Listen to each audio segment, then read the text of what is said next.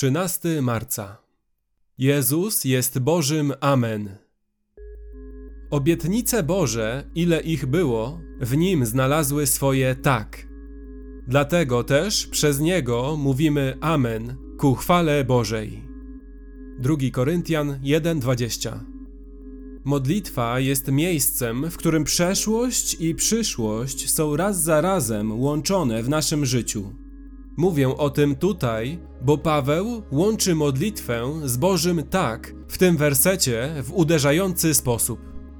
W 2 Koryntian 1:20 mówi on niezbyt gładką greką, która przekłada się na niezbyt gładkie tłumaczenie.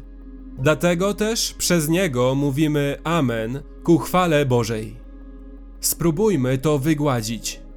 Oto co on mówi.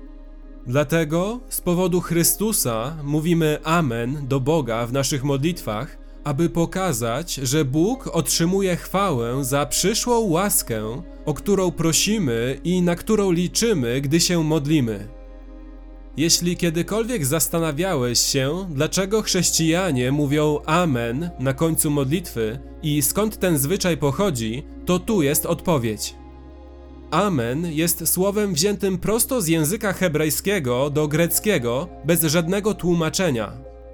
Tak samo jak przeszło do angielskiego i większości innych języków bez żadnego tłumaczenia.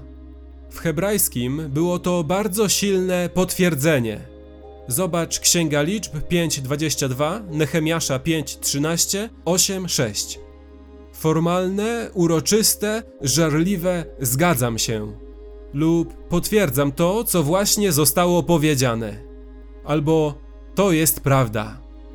Najprościej rzecz ujmując, Amen oznacza żarliwe tak w kontekście zwracania się do Boga. Zauważ teraz połączenie pomiędzy obiema połowami drugiego listu do Koryntian 1:20. Pierwsza połowa mówi: Obietnice Boże, ile ich było, w nim znalazły swoje tak. Druga połowa mówi: Dlatego też przez niego mówimy Amen ku chwale Bożej.